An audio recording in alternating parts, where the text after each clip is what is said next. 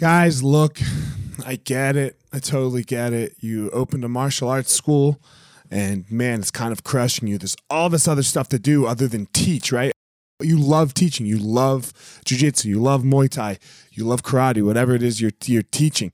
And man, but there's all this other stuff. There's there's the front desk. There's there's taxes. There's curriculum. There's cleaning. There's there's problems, staffing, covering. Whew, man, it's so much.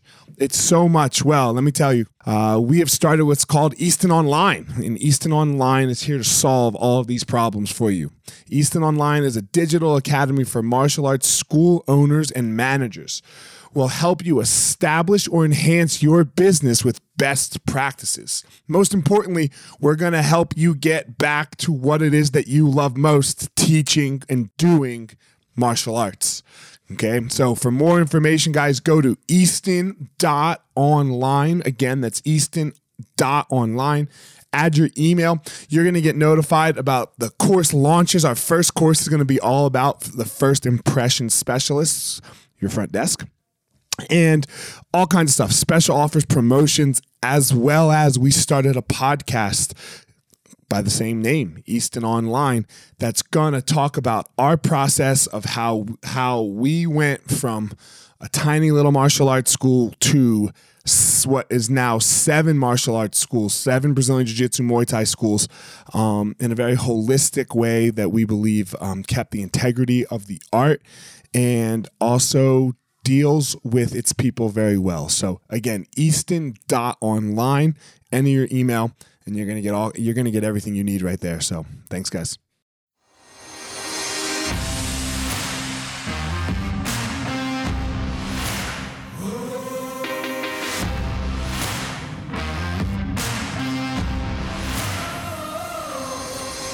What's up, my ninjas? This is former UFC fighter Elliot Marshall, and this is the Gospel of Fire, where we are going to learn how to go into the fire so that we can find our power and live the best life possible.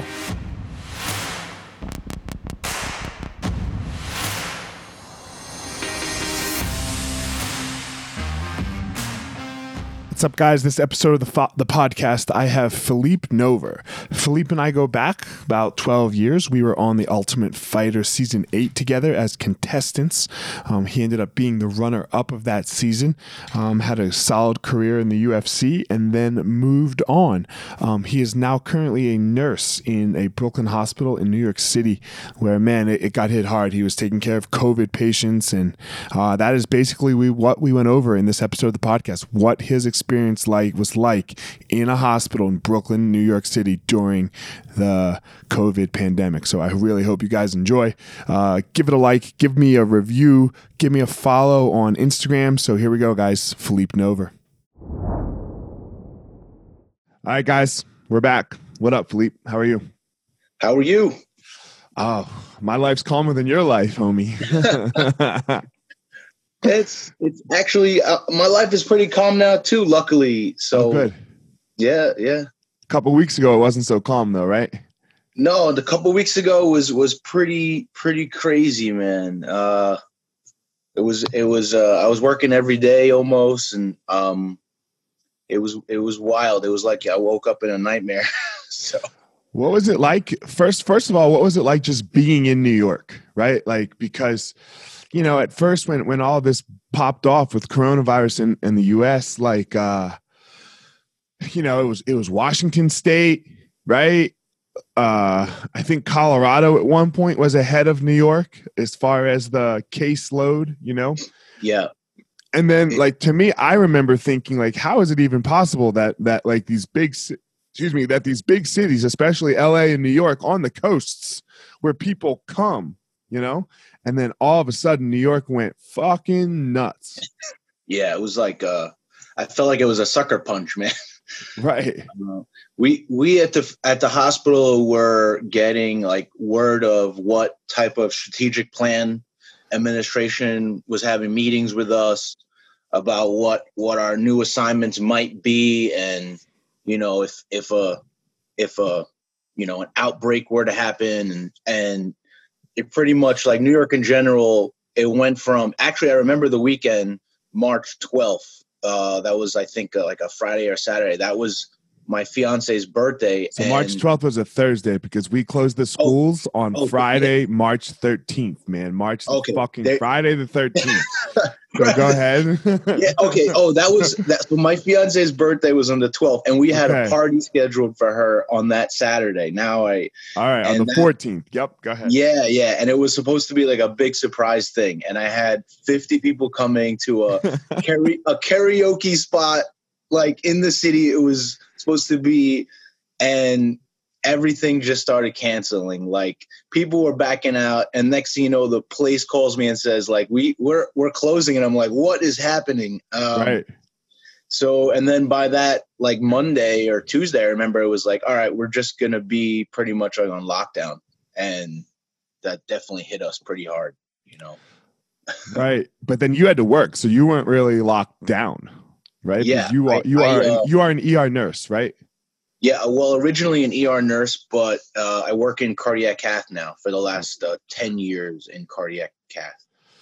So, Right. So, you know, uh, I think one of the things that people are misunderstanding, po- po- possibly, you know, is that like you hear like the layoffs going on in the hospital, right? Like a lot of people got furloughed, nurses, doc, techs, and all that stuff. But that's because to work in the ER, and correct me if I'm wrong, like to like, so they shut everything down because they have to be ready for ventilators and beds and all this stuff.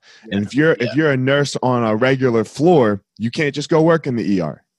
Go ahead. No, no. Well, there's uh so with the with the uh, Corona pandemic, there are two locations that would be uh where I would call it more of like the the front lines of the situation. Obviously, the ER is is um the primary location, and then the ICU and, and isolation units. So the level of care is is especially if you have to come to the hospital uh, and you have coronavirus and you're having like real serious symptoms, you would likely need an ICU level uh, bed, and that's like a limited capacity. Even some of the major hospitals in the city have you know only 20 beds. So, and we're talking about uh, we were preparing for you know hundreds of people requiring ICU level care, and and that also takes uh, a, a level of training and years of training for nurses and physicians. So intensivists, doctors, and critical care nurses, it, you just can't kind of pull them out and say, "Hey, you're a critical care nurse." There's a lot, a lot of stuff involved in that level care, as well as in the ER too. So, but the other parts of the hospital were getting shut down. So there's a lot of diagnostic things like endoscopies, uh, you know, elective surgeries. Uh, you might have like you know cancer remover tumors, uh, knee replacements. All this stuff has to be uh, shut down for a period of time to uh, take in the the new patient, the patients uh, who are need isolation and need corona level care. But you know, and, and also if you're going into the hospital and you're gonna have an elective procedure done, you might not want to come in particularly because you might get exposed. You might go in there for a knee surgery and you leave with with corona. You know, Right. So my wife's a nurse practitioner, right? yeah, And she's a hospitalist. So she does the rounding on the patients.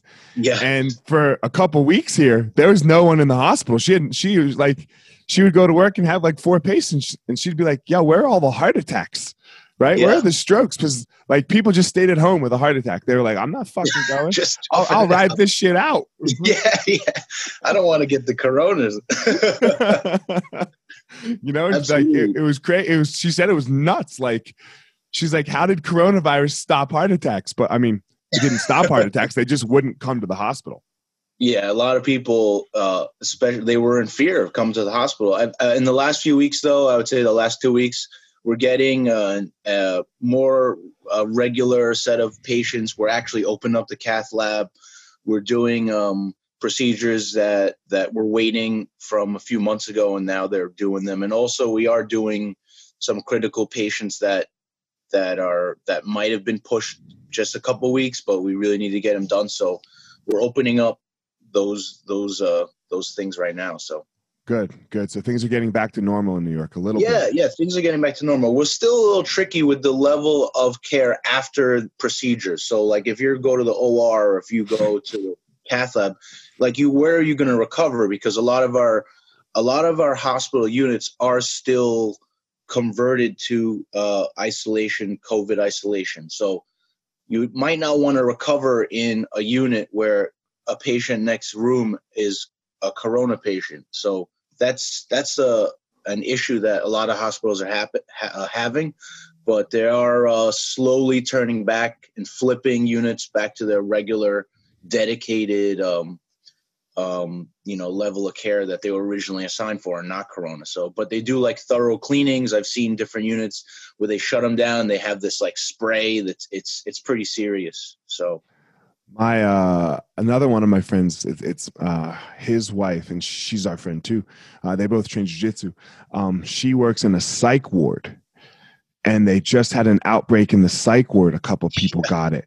And she's like it's impossible to control because these people are crazy right? And you can't keep them in their room right like they just they they get you know like they're just all over the the psych ward touching everything and you're like yeah like she's like watching it she's saying and she's like what the fuck's going on like you know and yeah, yeah. they don't have all the ppp the ppe in the psych ward Yeah. right they just have a mask and, yeah. and she's like oh fuck and now Yeah. it's you know right Yeah. because and you oh can't that's a recipe for disaster. yeah, because you can't she says they you can't sedate them either because then that will slow the respiratory and then Yeah. they could die of the corona right and it's like she's like this is a nightmare Oh man, that's tough, man. Yeah, I, I have Yeah. a friend who's also in psych, and he actually got actually uh, he actually got corona, and he was out for a few weeks. He's luckily he's a young ath- young guy, he's an athlete too, so he he's okay. But like, where did he get it from? He obviously probably got it from a patient, you know, Right, coughing right. him.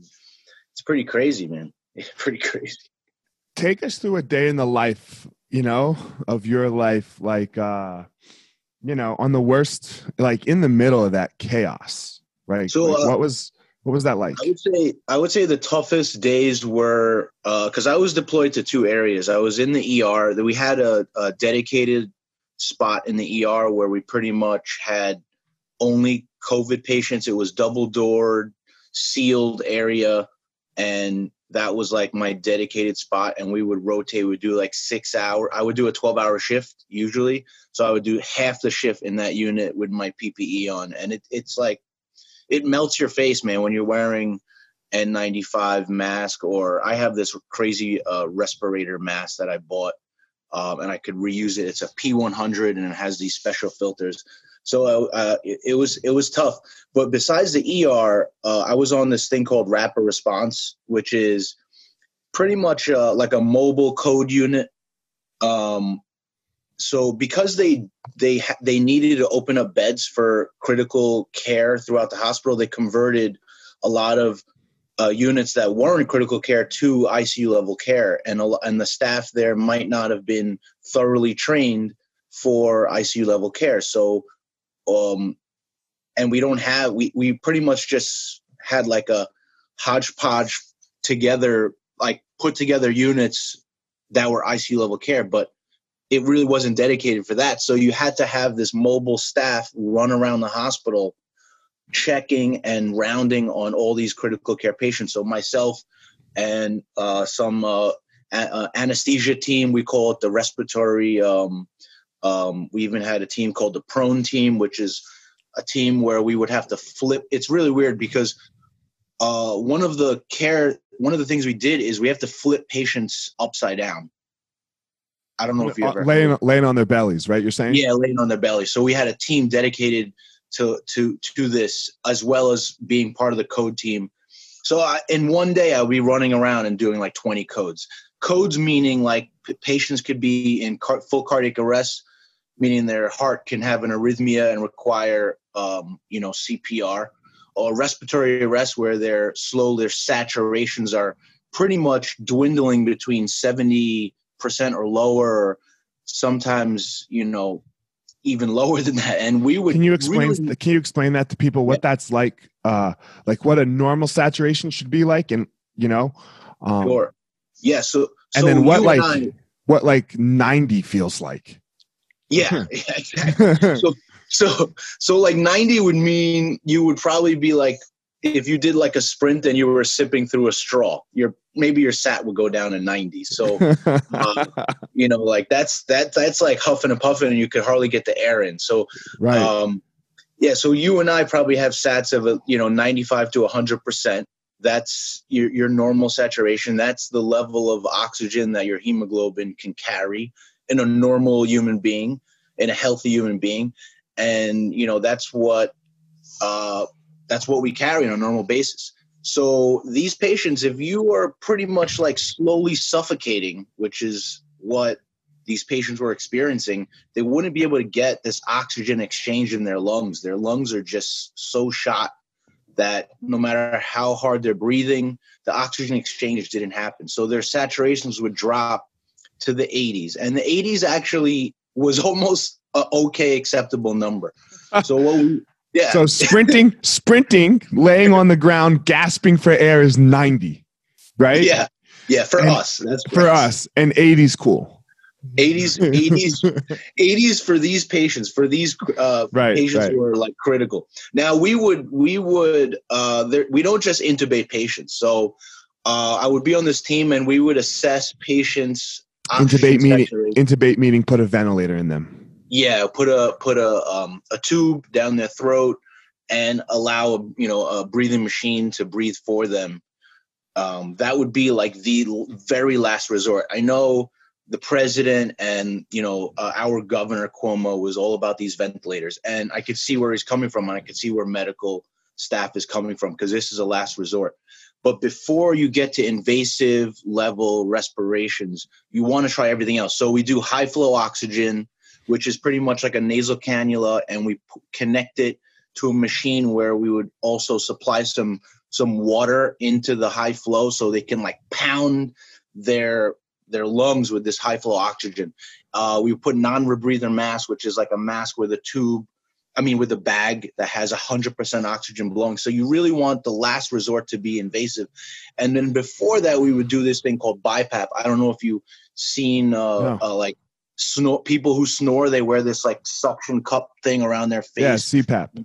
Yeah yeah. So we would have that level machine available before we would try we would try all these non-invasive things first. And then last resort we would escalate to a ventilator. Because correct me if i'm wrong here yeah. most people that went on the vent died. Ab- absolutely. The percentages are horrible horrible. Right. Um you know, uh, uh, if you if you uh, ha- require a ventilator, it's it's likely. Uh, I'm not sure about you know what other hospitals are, but I've heard anywhere between like 90% chance or or greater that you are not going to be, you know, you're not going to live past the ventilator. You will never be able to, uh, you know, breathe on your own. So right. Yeah. So which is not normally the case, right? That's that's rather abnormal. Normally, when we vent people, right? When you guys vent people, yes, they recover, they they yes. they build back up, and then here they are, still functioning in the world. So the ventilator is yeah. a very good thing on the, on a in a normal yeah. day in the hospital. Yeah, ab- absolutely, absolutely. So, and that I mean that would be my day. I would run around. Um, with the team. I would get paged with the team and be running around from room to room to room, checking, proning patients, checking their saturations, and then, um, you know, and then either escalating to different levels of uh, respiratory care, and and then also, you know, transferring patients from uh, higher le- to higher levels of care. I remember maybe in one day I must have had maybe about eight to ten deaths. I mean, that's that's pretty significant. Uh, you know, and and you know there are times where we, were, we didn't even have any enough body bags on the floors that we are working on. So this was, I, I mean, coming from a ER background and coming, uh, you know, as an athlete and a fighter, I, I'm pretty tough with with you know not getting an emotional situation, but I was definitely, I was definitely there a few weeks ago and and felt, uh, man, this this is like a super tough thing to deal with, and I see it in my coworkers' faces. You know, um, you know, the saddest thing is too just seeing uh, patients who you know, and and you can't have any family members. So I would see patients, you know, on on their phones, and they're you know telling their family member, "All right, I'm about to get intubated. I can't breathe right now," and they're huffing and puffing, they're sweating, and they're you know, and their and their family members on the other line you know, sc- crying and screaming. And I'm like, in my head, I'm like, listen, in my head is like, this is the last conversation that you're likely going to talk to your right. husband. This is it. This is it. So to witness that, oh my God, that was like, I would go home and be like, damn, that sucks, man. Oh my God. And, That and hard. what was the age of the people sometimes? Like, you know, like, Yes, I would say you know the majority were I would say the ones I witnessed uh, you know about 50s, 60s and older. There were a few though that were younger. I've I've seen uh, I've seen 30 year olds and one 20 year old that actually died from this. So that is like really really heartfelt and unexpected. You know, and a lot of people ask about the comorbidities. Um, uh, most of them have a lot of comorbidities. So I would say, especially the older ones, they have a lot of comorbidities. Um, you know, uh, so uh, the American population is not as healthy. So we had, you know, we had patients that were overweight, obese. You know, we have patients that um, that uh, just have simple things too, maybe high blood pressure, diabetes. Those are very high risk uh, to ha- to to to to get sick from this. But I've also seen that very, very rare that where they have like no issue at all and they get it and need to get intubated. It's, it's uh, the no issue seemed to be that, uh, what's the hypoxic storm? What's it called? The, when your immune system goes over the top, right? Like, in, yeah, I mean, there's I, I'm not sure how how the uh, process is. Uh, yeah, I mean, we're still studying it, and it's it's funny. Another thing is like this was like a learning process for for the medical staff and the nursing staff. We're like, all right, we're gonna give hydrochloroquine, we're gonna give this, we're gonna give that. All right, we're now we're gonna do Pepcid with this and mix, and we're gonna prone patients, and so it was like we're, we're learning as we go, and we're trying our best. So I think yeah, that's part of the problem for the people, right? Is, uh, I, okay, so we already have a big enough problem in the country, I believe, of almost too much information. Like you, you, whatever you would like to believe, you will find that and scientific articles, scientific, on the internet. Like, like there's a flat Earth movement right now, backed by science, right? Like Yeah. backed by science. You know, oh my gosh, this is yeah. so I've what, what seen would you like to find on the internet and go ahead right like you will find it you know it's like Yeah. porn right if whatever you're Yeah. into whatever? it's yours baby somebody else has filmed it already yeah, whatever deep hole you want to get yeah into. you know so the, the this idea of the doctors being wrong Yeah. well yeah of course they're wrong they don't we don't we Yeah. don't know it's we this just this is this came up in november of last Yeah. year right Yeah. like So there's a, there's a pretty much a study. I mean, there's there's research behind it, but it's not long enough to know what the what the real l- results are be, will be. right You know, there was uh, the the Gilead study on uh, remdesivir reduces hospital stay by I think a few days. That's a good study. I mean, that was like a legitimate study. Mhm.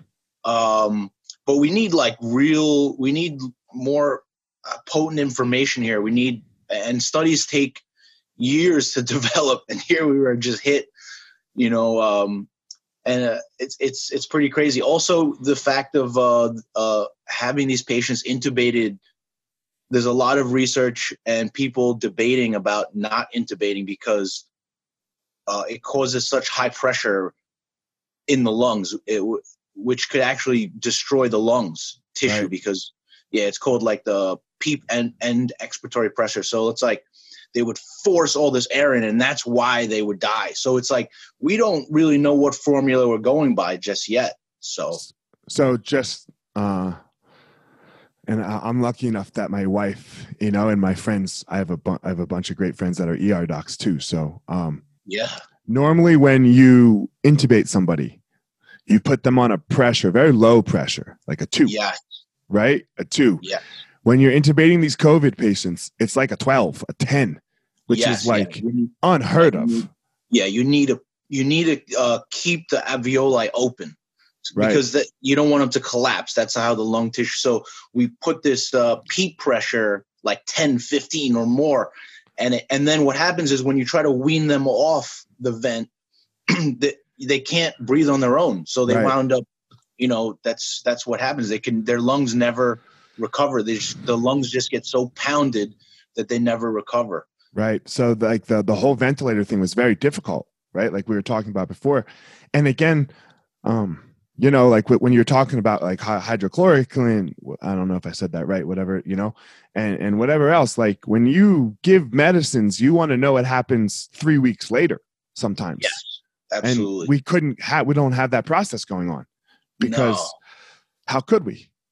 yeah it's it's it's a difficult it's a difficult thing i know uh the hydrochloroquine it's used um for patients with uh lupus and i think Mhm. there's some research regarding Malaria. if patients who are on hydrochloroquine um you know persistently for long term if they what's their what's their you know ability if if they could get corona if they get corona and how you know there's all this stuff but that it takes it takes months and months and years to to know this so right. it's pretty pretty wild I think we've moved off the hydrochloroquine, right? No one's really doing that much anymore, right? Like the uh, uh i actually in the well in the last uh, two weeks i haven't been in in uh covid level care so i'm not sure how they how they do it uh you know i'm gonna go up and ask but uh sure. yeah it it, it, it it's still i think it's still being used because i gave it to a lot of patients uh, a few weeks ago so Um, so like you said, you in the last two weeks you haven't been on COVID level care. Uh, No, uh, the only the only time I would be uh, on in a specific COVID level care is if the patient. We've had uh, patients who have heart attacks, and they have to come to the cath lab, and we have to put stents in them. So then I would have to put. You have you know a double whammy. So the patients have COVID. Um, they might not be um, they're COVID positive, but they might not be on a um, a ventilator or be critical uh, from the COVID, but they also happen to have a heart attack. So now we have I'm protecting myself. I'm wearing my PPE, and and you know, so is the whole the, the whole unit. So right. All right, let's talk about that for a second because you hear all this like, oh, people are dying from stuff other than COVID. COVID, I like COVID can be like HIV, correct, or, or AIDS, where you you have COVID and, tell, and correct me if I'm wrong, and then explain more, and then like you develop a pneumonia because of the COVID, and you die of Yes. pneumonia, right? Yes. So it's so you s- s- go ahead, explain. so what? Yeah. So what's what's exactly killing people? Uh, you know, you like like HIV. You have HIV, but then you might die from you know from pneumonia too. You might die from a few different things. What, what we also notice, um, a lot of these patients who have uh, COVID, they act, they're in a hypercoagulated state, which is really weird. It's uh, the these patients have um, their blood is actually coagulating quicker than than normal people. Now, I don't know if it could be it could be just because you're in the hospital. Can you explain? and you're laying Can you explain coagulated? What does that mean? So so that means like uh you know if you were if you were to uh bleed like if you're if you were to have a cut on your skin or something on your body w- required coagulation like a scab. So they would just coagulate faster. So So coagulate meaning that- clot. Clot, yeah, yeah, your blood it, would got it. clot faster. So we've noticed that patients who are critical who are critical COVID patients, they have like a really fat, fast clotting cascade. So that's very serious because you're at risk for heart attacks, strokes, pulmonary embolisms, all these things, a pretty serious effect. So you might have not the pneumonia kill you, you might have a heart attack that kills you, you might have a pulmonary embolism that that can kill you and have COVID. So But that was caused by the COVID, it's very possible. Now, right? Yeah, we don't know.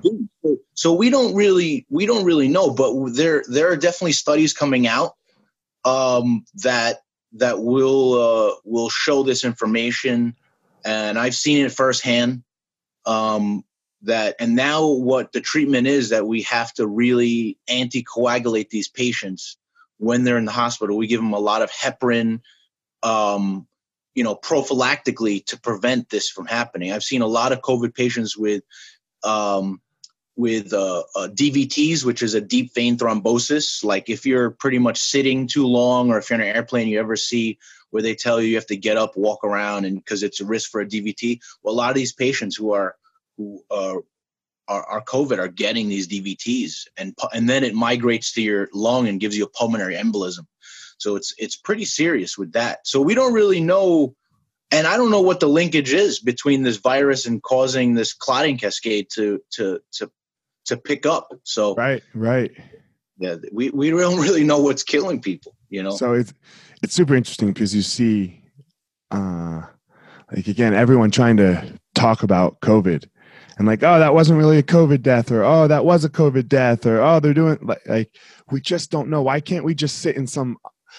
It's so hard for us to sit in some unknown, right? Like we want to say that yeah. that person's lying or this person's lying. It's it's crazy yeah. to me. Oh, I've no, seen. It's, I've seen it's so these, crazy to me. Yeah, and I've seen things about. Now I haven't talked to hospital billing and stuff, but I've seen some some things about. Oh, if you say the patient had COVID and they died, we get like extra extra money. I I don't know. Whenever there's money behind things, things get very, very tricky. So, um, you know, but but I do think that there are, you know, a patient might have COVID and and they can be uh, they could die from something that's either related or unrelated. But now the patient had COVID, so it's up to the doctor what cause of death, I guess uh, they would they would put. Right. Um, but like you said, you have moved back to your normal station, right? Your normal uh, unit. Yeah. Um, so what's it? What is a day in the life in New York City look like right now? well, yeah. So I I haven't really been out.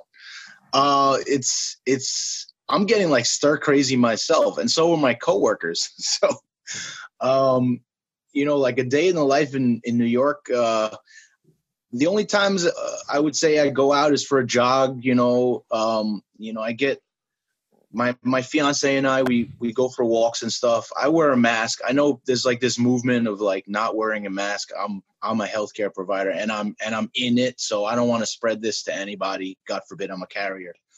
But everything's everything's closed. But as the weather gets better, people go out. You know, uh, I ride my bike, uh, but it's it's pretty sad seeing the businesses and and places that I know might not open up.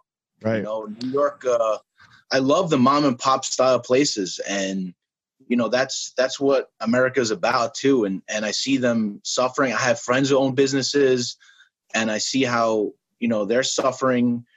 I don't know how long this is going to go for. Um, you know, and I, I, I, I, as a as a healthcare provider who's seen it and also now I see a downtick in the hospital.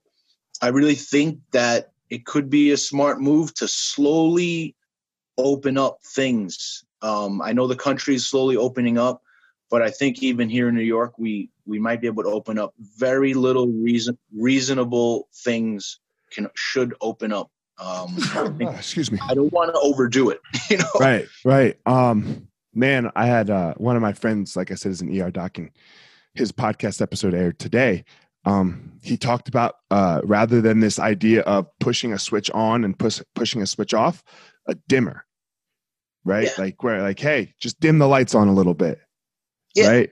And then okay, dim them on a little more. Yeah, you know. Yes, so. exactly. Because ultimately, we're going to be exposed, um, little by little. We're going to be exposed, and what the whole quarantine thing was to prevent a healthcare crash. Right. Like that's why they, you know, that's why we uh, the hospitals prepared in such a way. Their hospitals with like tents outside. They were they they had the um, the Navy ship come to to uh, New, uh, New York City. Um, it didn't really require all the that entire Navy ship. That was like if a shit hits the fan type of situation. But we've seen it. It didn't happen.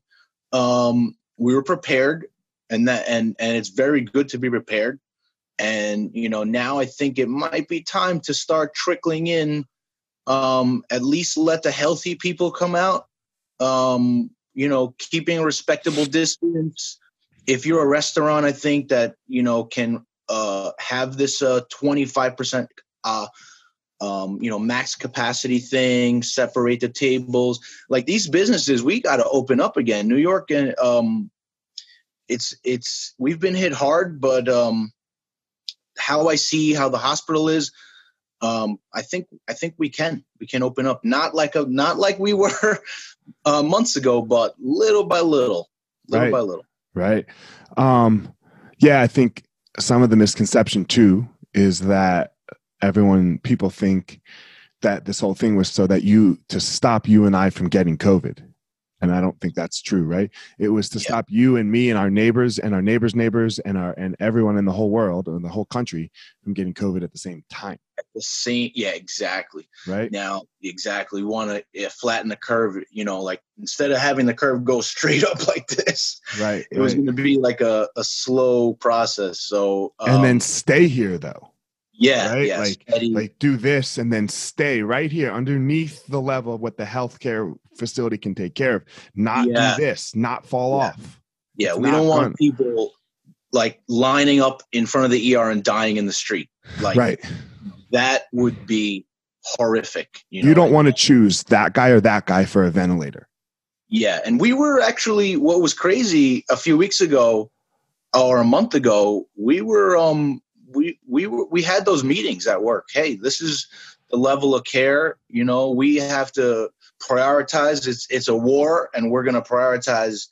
If we have this, we're going to prioritize the ventilator is for this person because they have the best life expectancy, the least comorbidities, and likely survive. So we had to we actually we actually had these meetings. I have friends in other hospitals who in administration had these meetings. Um and that was scary when did I you have to make that did you guys ever have to make that decision were you ever there uh no, no we never it never got to that decision. So Okay. uh luck, luckily not not luckily not uh good you know but we were we were definitely brought to the point where we had we had a systematic approach to it like a documented systematic approach where it said this is the this is these are the these are the the, the levels that you're going to have to take to make a decision if this patient needs it and this patient and then how you quantify which person's going to get the ventilator and get the best care and the other ones are going to die like that's a terrible decision yeah, yeah. Yeah, and I don't want to be decision. responsible for that. And I don't know if I want to be a part of that team, but this is what we were looking at. Luckily, it hasn't happened. Uh, Right. Not not that I witnessed. Not saying it hasn't happened in general, but I haven't. You just hadn't seen it right so I yeah. I. So um I I luckily so test, I was tested for COVID twice. So um and uh luckily I'm negative. I did the nasal swab. does that hurt So- it looks bad Oh man, it's like they swabbed my brain. Oh my god, it was bad. So yeah and then I actually got an antibody test um, uh, about a week ago, and it's the antibody. It's weird. I had an antibody test where it said I had a super small amount of antibodies, where it's like a zero point zero five, and anything above one point one means you had like you have enough antibodies. But I guess mine is like super low, so it's questionable if I had a, a mild exposure or not. It's so low to that level, but we still know, don't know what don't the have- antibodies everyone's banking on these antibodies and we still don't know what the antibodies mean right we don't even we don't even know yeah exactly we don't it's it's Because you can have antibodies, you know, you can have antibodies. You build antibodies to the flu, and then you still got to Yeah. get a flu shot the next year. Exactly You you can get flu A every year. It's possible, right? Yes. Like it's not like you get flu A one year and then you never get flu A again. Like Yeah. uh-uh. Like you and and maybe and, and for some people the vaccine works forever. We it's just unknown, right? it is it is It's unknown. So COVID could be coronavirus could be just like that, right? Like when we even when we come up with a vaccine, are you going to need the vaccine every year? Are you going to need it every three years, every three months, Yeah. right? Like uh it's it's a difficult thing, the the medical yeah it's it's super tricky uh we know for sure that influenza itself mutates like All the time. crazy right. all the time yeah this is like one of the most mute that's why the flu is like we we get these vaccines every year for for influenza uh for the the seasonal flu but now with this you know, we're talking about uh, it might strike back, you know, in the fall or every year. Imagine if this happens. I mean, this will be our lives might not be the same. It, it likely won't be the same, not for many years. Yeah, it's gonna suck, but it will just be, you know, we'll have to deal.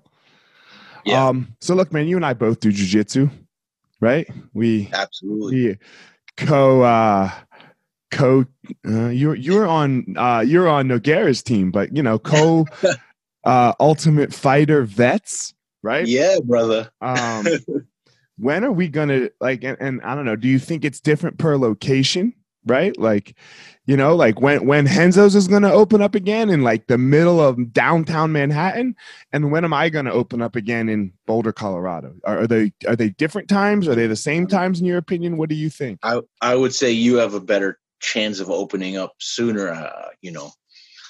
I would i would uh, you know I, I hope Renzo's opens but you know that's that's gonna be that's gonna be tough. Right. Um, I, I would say you have a better chance of opening up sooner and and you know and and you know it, it's this is the toughest thing. Because as a jiu-jitsu practitioner myself and i am absolutely in love with the sport this is the most contact you're going to get with anybody. Oh yeah with the antithesis of social distancing. Yeah this is like know, we're, we're literally sweating on top of each other. This is the one sport. Your like sweat boxing, drips your sweat drips in my mouth because you're oh. yeah. Dude this is crazy. I mean like yeah. boxing and kickboxing you can get away with a little bit. Like all right we might be a little we could shadow box. Right. We're literally we're literally on top of each other. So this is and i miss training so much. Oh my god. I i i know guys are training and and it's cool man you know as long as they're they're training with each other and you know and i mean they're young um and if they want to take the risk they could take the risk. And and you know i i just don't want to do it because i uh I'm exposed to this stuff all the time, and I don't yeah, want to. You're in a hospital five days a week, homie. Yeah, yeah. yeah. Like, sorry. If anyone gets sick, they're gonna fucking say it's Nover, man. Yeah. Nover good And they'll never know, but they'll be like, "You fucking killed my father," right? yeah. Oh my god, I wouldn't be able to live with myself, man. So I, have been practicing the social distancing uh, with jujitsu, man. But I, I really hope I really hope we we can open up soon. I have a lot of friends too op- who have small gyms out there. I think Renzo's will will will be okay. Will be fine. Um, you know, there's going to be a lot of smaller gyms that might have like, you know, not the not the biggest population of people who are into jujitsu. You got to, and also now like you got to be pretty hardcore into jujitsu at least to continue training. I really hope that people continue training and and you know this is going to be tough. Yeah, we're, we're going to see what happens. I think we're going to be all right. You know, good, good. I think we're yeah, going to be all right. I think we're going to open. I, ho- I hope to we that we can open sometime in June out here. Okay. You know? So that would be yeah, nice. Absolutely, um, man. I wish you the best, man. I freaking. Yeah, man. It's, you it's could never imagine this day, bro. You could never imagine this day. yeah. Right? Like no. Like, like, I've been saying, you can imagine like a, a, a downturn, like the economy, you know, like and you, and you go okay you know and i have enough money saved for here and there you, you know like yeah. but you can't imagine a screeching halt. Yeah it's like it's like a reset button like Full, like everything is just shut down. Shut down. open fully yeah. one day and closed like yeah. out of business the next. Like you know yeah. like whoa what the fuck? Yeah this just sucker punch completely man. Yeah man. Yeah. Well bro i appreciate your time you know? Um thank you for what you're doing, right? Like uh, it's the front lines, homie, right? Like it's it's the front lines of something that we don't know that that is very risky for everyone, right? You have you have family, you have like you said a fiance that you're coming home to.